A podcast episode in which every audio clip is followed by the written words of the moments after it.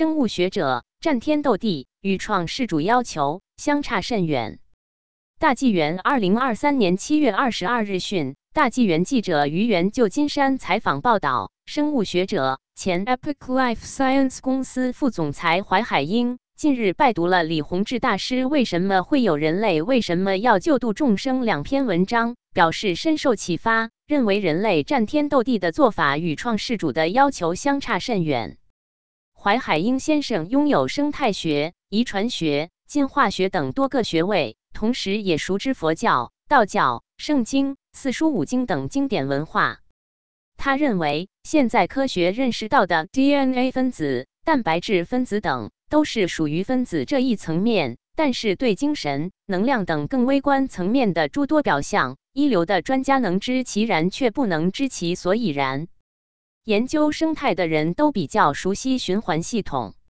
任何一个生物都有一个场，有食物链的上下家，有吃的，有被吃的，有这样一个循环系统，生命才能繁衍。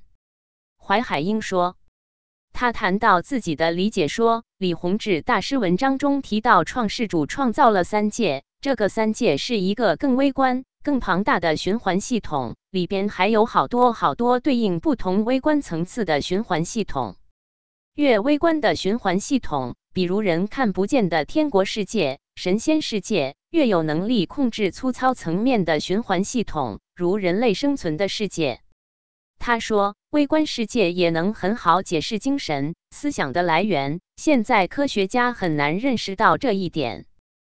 怀海英表示，研究生态的人都知道，现在正在步入第六次生物大灭绝，物种灭绝速度比以往快许多倍。平均每小时就有二至四个物种被灭绝，好多物种还没有被人确认就灭掉了。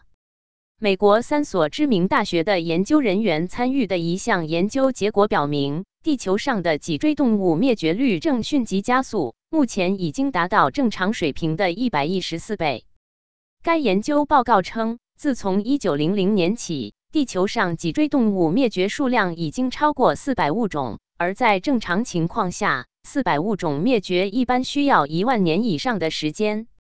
怀海英说：“现在科学研究有一个误区，都是向外寻求解决问题的方法，来改变生存环境、改善居住条件，谋求人类的享乐幸福。恰恰是人类欲望的膨胀和无节度的发展，破坏了整个生态环境，加速了物种大灭绝。另外，基因改造也会给人类带来毁灭性的灾难。”怀海英认为，创世主创造了三界中的一切，包括各种生物。现在人类在大面积地破坏生态、灭绝物种，这种战天斗地的做法，与创世主保持善良、敬天敬神的要求相差甚远。责任编辑：宋佳怡。